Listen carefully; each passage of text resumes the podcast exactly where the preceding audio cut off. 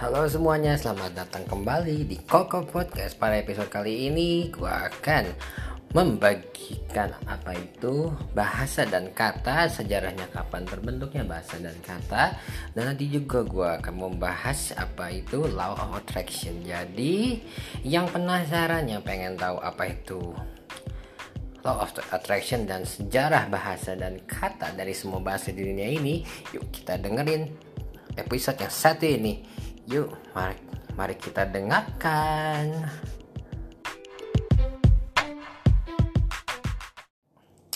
Halo semuanya, sobat eng, sobat di mana pun kalian berada, maupun kalian di rumah, di kantor, di tempat kerja, di kantor tempat kerja sama aja sih ya nggak ada bedanya. Atau kalian lagi di cafe menyendiri, sedang ngegabut, killing time atau ngapain ya, ya pokoknya apa pun yang kalian lakukan, selamat pagi, selamat siang, selamat sore, selamat malam ya. Ya, terima kasih sudah mendengarkan dan pada episode kali ini gue akan membahas apa itu bahasa. Bukan apa itu bahasa sih, semua tahu bahasa itu adalah alat untuk berkomunikasi. Jadi kapan sih terbentuknya sebuah bahasa bahasa gitu dan juga kata-kata dan kata-kata apa yang dapat membangun dan kata-kata apa yang dapat meruntuhkan dan dampaknya buat orang apa seperti apa gitu juga. Dan juga love attraction. Apa itu love attraction? Love attraction itu adalah sebuah hukum di mana kalau kita ngomong apa, let's say kita nanti jadinya ke diri sendiri. Contoh, kita pengen jadi dokter. Kita perkatakan itu setiap hari, maka kita akan menjadi dokter seperti itu. Nah, tapi pada saat ini gue ingin membahas kapan sih terbentuknya bahas kapan gimana sih terbentuknya bahasa dan kata sejarahnya tuh gimana sih gitu gimana sih loh sejarahnya bahasa dan kata itu bagaimana seperti apa jadi begini ya pada 2000 tahun yang lalu ceritanya pada 2000 tahun yang lalu di sebuah negeri di sebu di ini ini kejadian nyata ya. Ini ini sejarah dan benar-benar nyata gitu. Dan dan kita tuh merasakan efeknya sampai pada hari ini. Jadi ceritanya gitu di 2000 tahun yang lampau itu ceritanya ada bangsa Babel begitu. Bangsa Babel ya jadi bangsa Babel itu waktu zamannya pada waktu itu ya let's say bangsa yang besar banget katanya gitu ya. Bangsa yang sangat besar yang jumlahnya itu tidak terhingga seperti itu ya let's say kalau sekarang um, satu pulau kalau mau diikut dikira-kira ya let's say dari ujung dari pulau Jawa dari pulau Jawa gitu ya pulau Jawa aja gitu jadi dari Jawa paling barat sampai ke Jawa paling timur ya kurang lebih seperti itulah ceritanya seperti jadi sebesar itu katanya. Konon katanya seperti itu. Konon kata katanya sih memang sebesar itu sebanyak itu waktu itu ya pada waktu itu. Jadi pada waktu itu bangsa itu bahasa yang besar dan bahasa yang mereka gunakan pada waktu itu adalah Hebrew. Hebrew itu adalah bahasa Ibrani. Seperti itu. Bahasa Ibrani itu adanya di Israel. Ya kalau nggak salah. Seperti itu bahasa Hebrew Ibrani seperti itu. Nah hmm, pada saat pada saat itu ya pada 2000 tahun yang lampau pada saat itu mereka tercetus sebuah pikiran begitu. Sebuah pikiran kita kan bangsa yang besar. Gimana kalau kita bikin menara aja gitu gimana kalau kita bikin menara? Kalau kita bikin menara. Menaranya itu yang let's say sampai men yang sampai menuju ke langit atau kalau yang kita tahu hari ini adalah skyscraper seperti itu. Jadi waktu pada waktu itu mereka punya ide untuk membuat skyscraper.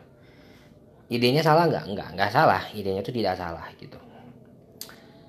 Tapi yang salahnya itu adalah uh, pola pikirnya mereka gitu. Sikap hatinya mereka yang salah.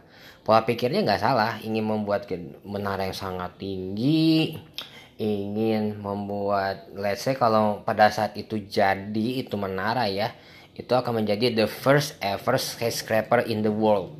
Kayak gitu. The first ever skyscraper in the world that have ever made made that have ever made kayak gitu ya tapi sekali lagi hmm, ya tapi sekali lagi karena sikap hati mereka itu yang kurang baik ya gitu.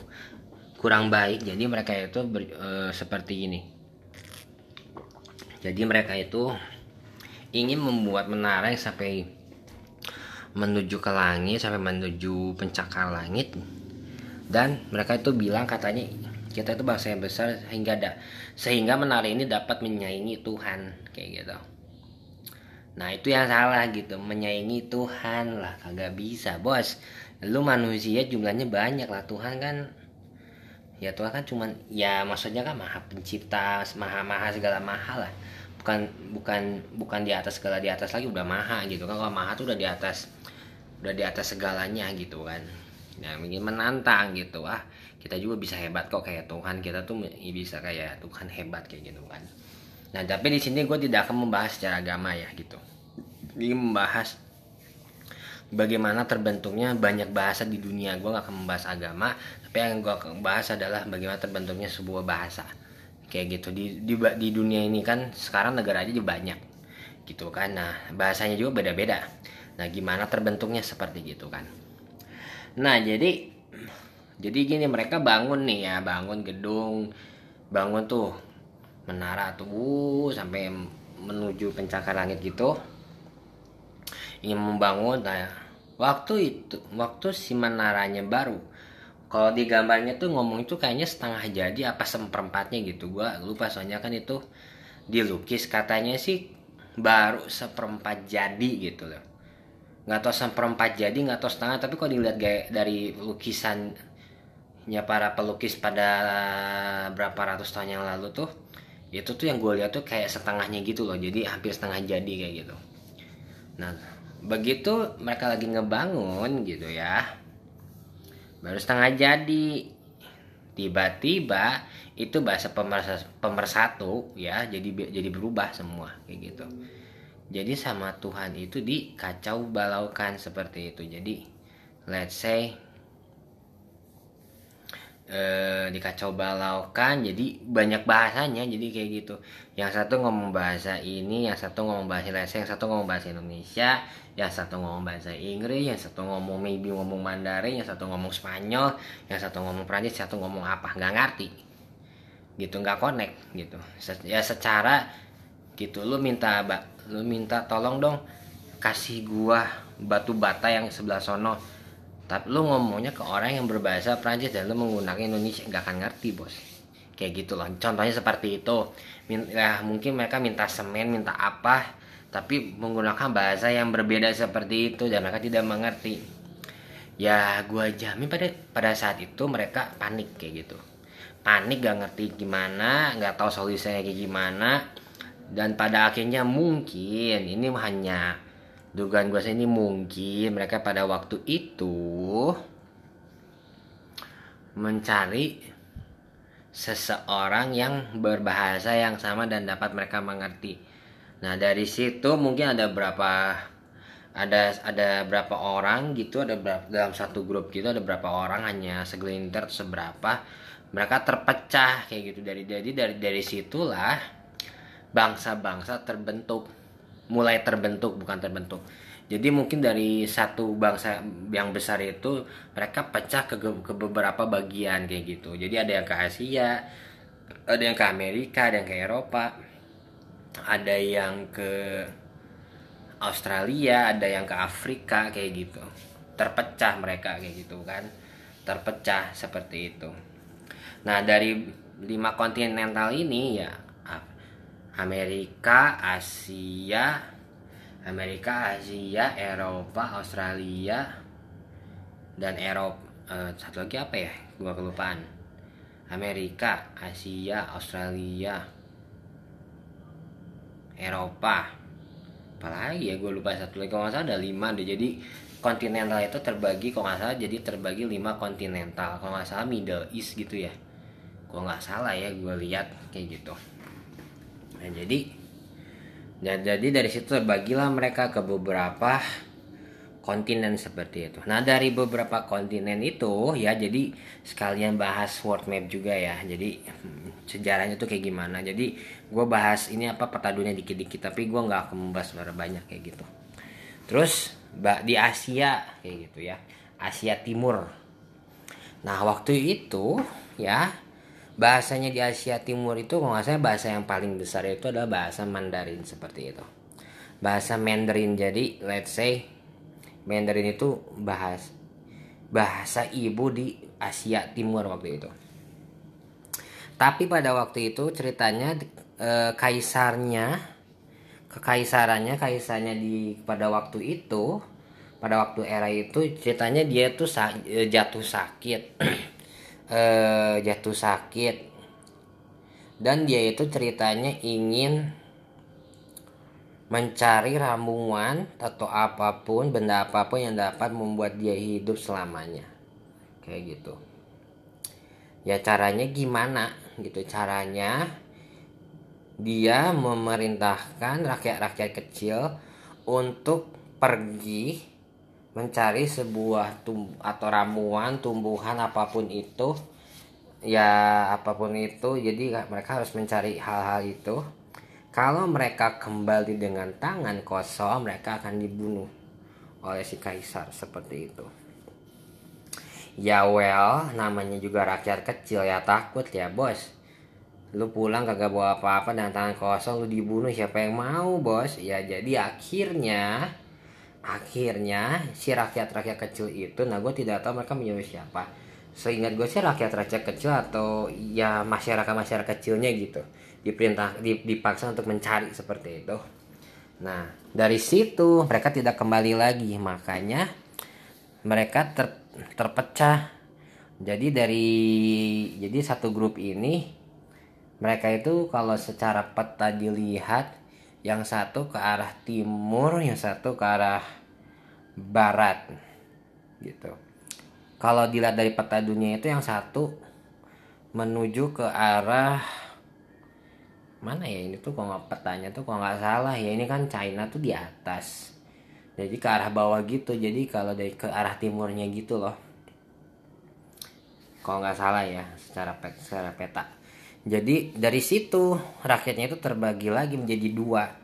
Nah dari situlah terbentuk terbentuk eh, Republik terbentuklah negara Korea dan terbentuklah juga negara Jepang dari situ.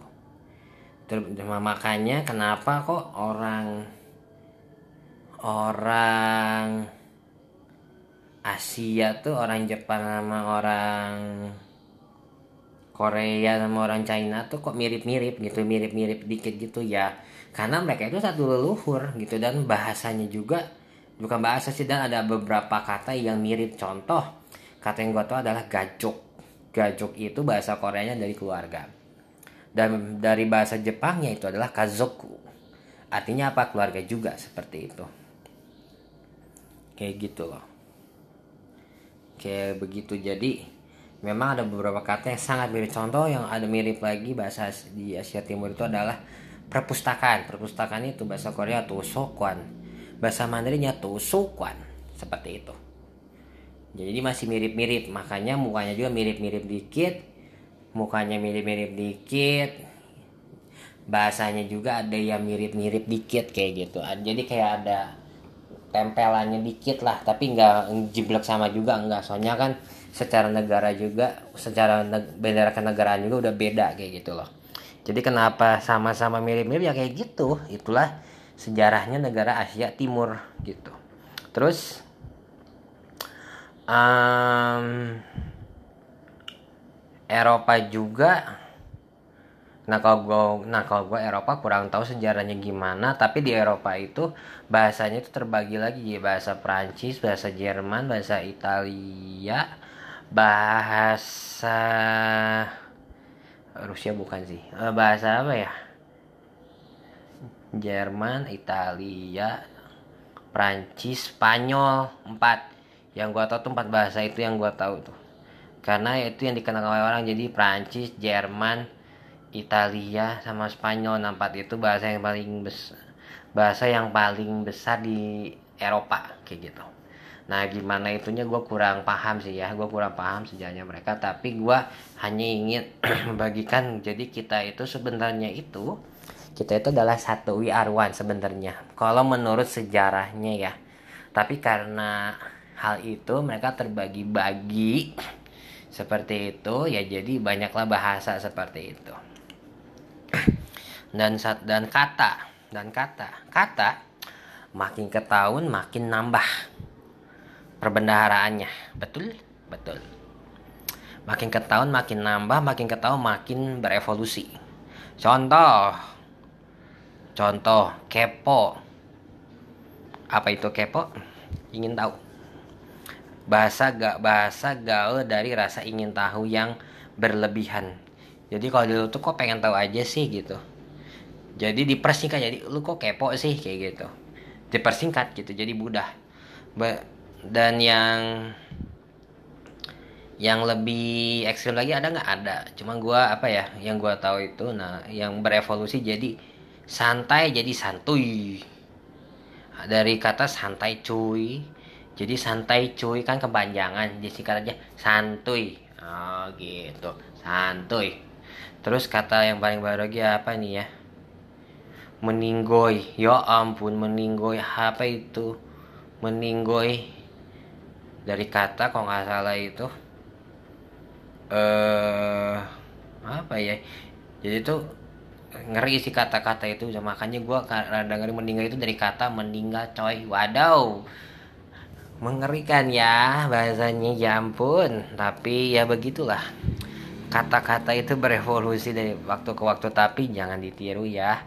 Karena karena apa yang kalian katakan itulah yang akan jadi doa kalian kayak gitu. Dan terus tipe kata-kata itu kayak gimana sih? Ada yang menjatuhkan ada yang membangun. Kebanyakan yang kita temukan sehari-hari itu kata-katanya gimana kayak gitu loh. Kebanyakan kita temukan ya tidak semua hanya kebanyakan. Tidak selalu ya. Hanya kebanyakan itu kata-kata yang menjatuhkan manipulatif mengancam dan lain-lainnya. Kebanyakan tuh negatif kayak gitu.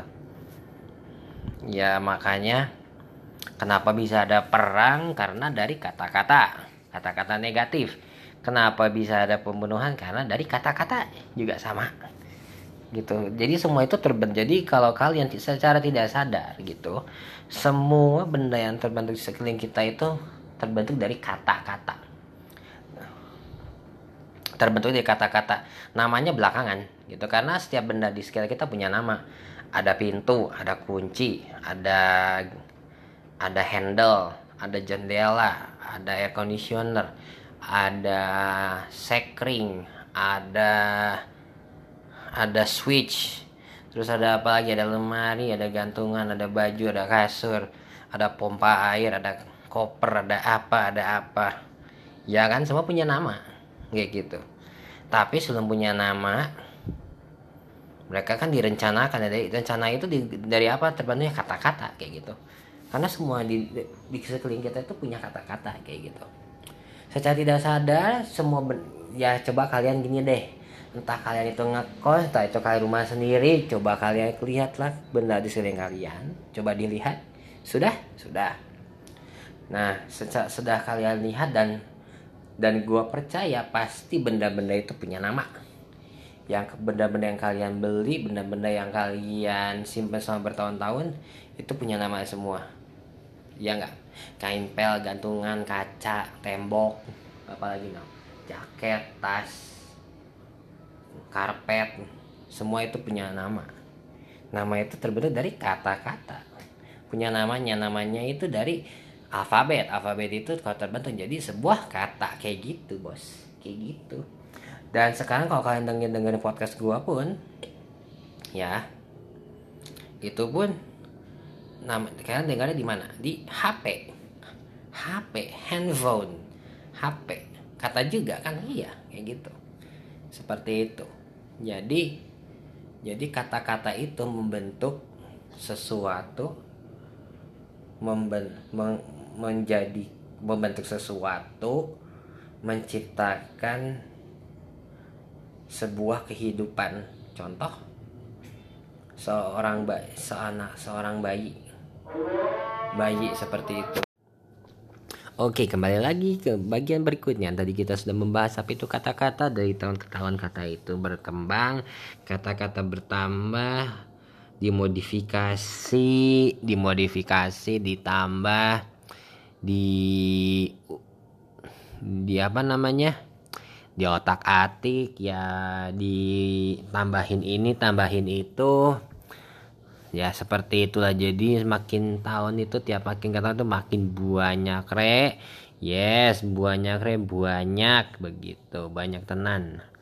Kayak gitu. Jadi tapi sebisa mungkin kita gunakan kata-kata yang positif saja karena kata-kata yang negatif pun banyak banyak juga gitu jadi sebaik mungkin kita menggunakan kata yang positif seperti itu karena kenapa? Karena pada saat ini kita akan membahas apa itu love of attraction. Law of law of attraction. Apa itu law of attraction dalam bahasa Indonesia? Law of attraction itu adalah hukum daya tarik seperti itu. Jadi setiap kata-kata yang kita lontarkan kepada orang begitu let's say kita mengatain orang kayak gitu dia cuma sakit hati. Mungkin dia sakit hati atau dia hanya sakit hati saja. Nah dari sakit hati itu mungkin mungkin kata-kata itu bisa jadi bisa bisa jadi nggak komisnya let's say ngatain ah, lu dasar. Uh, let's say lu dasar nggak guna ngomongnya kayak gitu ke orang. Nah biasanya yang kayak, pada biasanya itu ad, ada yang pernah dan sering aku gua dengarkan tuh di mana ya? Ya antara pertemanan bos ke karyawan atau dalam hal apa pun pasti ada lah kayak gitu. Kata dasar kamu nggak berguna kayak begitu. Nah begitu kata itu dilontarkan ya kayak gitu nah yang orang yang kita katanya itu sakit hati. Dia akan beneran jadi orang gak guna nggak? Bisa. Tapi dengan catatan kalau dia memilih jalan itu. Dia di, dia begitu dikatain begitu ya sama temennya sama orang tuanya sama bosnya atau sama ke, pasangannya pacarnya kayak gitu. Nah dia memilih jalan itu tidak kayak gitu pilihannya tetap ada di orang yang dikatain tersebut. Di yang dikatain gak guna tersebut. Dia milih dia memilih jalan itu atau tidak apakah dia akan tetap stay di jalan menjadi orang yang berguna yang menjadi masa depan cerah seperti itu. Nah, orang yang ngatainnya gimana? Nah, yang mungkin terjadi, yang mungkin ter, yang mungkin terjadi itu adalah kepada si orang yang ngatain dasar kamu nggak guna. Nah, biasanya itu orang yang ngatain, misalnya let's say suka ngatain orang dasar kamu nggak guna, dasar kamu nggak guna. Biasanya yang ngatain itu bakal jadi. Balik sendiri kenapa? Namanya law of attraction kayak gitu kamu ngatain orang nggak guna nanti balah balik ke sendiri karena ada magnetnya gitu. Setiap kata yang kita lontarkan kepada orang itu ada magnetnya ke sendiri kayak gitu. Makanya disebut love of law of attraction kayak gitu. Nah dari nah selain ngatain orang biasanya ngatain diri sendiri. Begitu. Jadi jadi gua sarankan be nice to yourself kayak gitu be nice to yourself be nice to others. Tapi before you be nice to others be nice to yourself first. Jadilah baik kepada diri sendiri. Kayak gitu. Kenapa? Ya karena kata-kata yang kita katakan pada diri sendiri itu akan jadi contoh. Ya contoh. Contoh nih ya orang yang mengatakan diri contoh orang figur yang kata-katanya benar begini ya contoh Tom Holland. Siapa yang nggak tahu Tom Holland? Ada yang nggak tahu Tom Holland? Boleh ngacung? Ya gue nggak bisa lihat tapi kalian boleh ngacung. Siapa yang nggak tahu Tom Holland? Tahu dong semua siapa itu Tom Holland siapa dia? Waktu itu dia pernah diwawancara. Kamu kalau misalkan ingin me ingin jadi superhero gitu main film tapi jadi superhero. Kamu pengennya jadi apa? Oh saya mau jadi Spiderman keren. Spiderman bisa kayak gini kayak gitu. Wah keren dah pokoknya mau jadi Spiderman kayak gitu. Nah kejadian hal itu kejadian. Beneran kejadian hal itu tuh benar-benar terjadi sama dia. Jadi berapa tahun kemudian tuh hal yang dia bicarakan ke dia itu terjadi kayak gitu. Kayak gitu beneran terjadi. Jadi Spiderman kan dia hari ini beneran jadi oh Spiderman ya beneran terjadi gitu. Terus um, udah gitu pernah diwawancara kalau misalkan kamu dikasih kesempatan buat um, ngedate sama orang pacaran sama orang kamu milih siapa oh saya mau milih Zendaya aja deh. Mau milih Zendaya aja. Zendaya itu orangnya begini gini gini. Orangnya itu tipe saya orangnya juga hot katanya begitu. Dan kejadian yang apa dia katakan itu kejadian. Beneran kejadian yang dia bilang itu beneran terjadi kayak gitu. Wow udah gitu. Dia bilang apa lagi ya? Yang gue inget hmm, kalau misalkan uh, sebuah video game ya. Sebuah video game yang akan dijadikan film dan kamu menjadi bintangnya kamu ingin video game apa yang ingin dijadikan uh, real life movie kayak gitu. Nah bukan real life movie yang akan di yang ingin di kamu bintangi gitu di filmnya. Dia bilang Uncharted. Uncharted. Itu ada gamenya Uncharted. Kalau nggak salah di PS3 di PS4 itu ada. Dan filmnya ada Uncharted. Filmnya ada dan dia jadi bintangnya di situ sama siapa ya nama aktornya? Dulu gue lupa dah. Aktornya itu nggak salah main di Transformer yang keempat. Yang ada ini yang Age of Extinction. Itu gue lupa nama aktornya siapa tapi yang gue ingat Tom Holland itu main di situ Uncharted karena dia bilang seperti itu kan. Nah terus sebelum Uncharted ini dia ditanya waktu dia ah uh, interview film keduanya dia di Spider-Man Far From Home. Spider-Man Far From Home. Kalau misalkan kamu main film suatu saat nih kamu misalkan main film sama Spider-Man Spider-Man sudah pernah main film Tobey Maguire sama Andrew Garfield. Kamu mau nggak lihat mereka di satu film sama kamu? Oh mau dong itu keren banget. Itu malah makin keren loh kalau mereka ada dan beneran kejadian gitu. Dan beneran kejadian itu. Omongan dia tuh kejadian. Nama filmnya itu kalian tahu sendiri Spider-Man No Way Home. Itu bener-bener yang pecah banget itu film. Sampai wah gila sih kata gue kayak gitu. Nah begitu guys. Jadi itulah salah satu contoh orang yang berkata-kata dengan sangat berhati-hati dan sangat benar. Itu Tom Holland. Salah satu contohnya itu. Contohnya gitu kayak gitu bos. Jadi makanya perkatakanlah dirimu sendiri dengan baik. Gitu. Apa yang kamu katakan akan jadi doa. Benar kayak gitu ya. Seperti contohnya Tom Holland aja apa yang dia katakan itu menjadi doa kayak gitu. Makanya sangatlah berhati-hati dengan kata-kata yang akan kamu katakan pada diri sendiri kayak gitu. Oke terima kasih sudah mendengarkan semuanya. Selamat pagi selamat siang selamat sore selamat malam. Nah, nanti kita ketemu lagi nanti kita ketemu lagi ya di episode berikutnya. Gua Vincent gua adalah host dari The Coco Podcast. Terima kasih sudah mendengarkan. See you on the next episode. Good have a good day everyone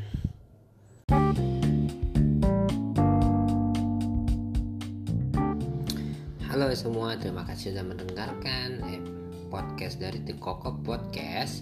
Terima kasih sudah meluangkan waktunya buat episode yang satu ini. Terima kasih sudah mau mendengarkan dan juga dan juga gue berharap podcast ini bisa berguna juga buat kalian, bisa juga jadi pelajaran juga tambah pengetahuan yang lebih tepatnya seperti itu dan nanti juga akan beberapa episode yang akan gue upload ke Spotify. Jadi terima kasih sudah mendengarkan dan juga nantikan episode berikutnya. Thank you everyone for listening. Hope you have a good day today and God bless everyone. Have a good day have a nice day have a good evening wherever you are okay? See you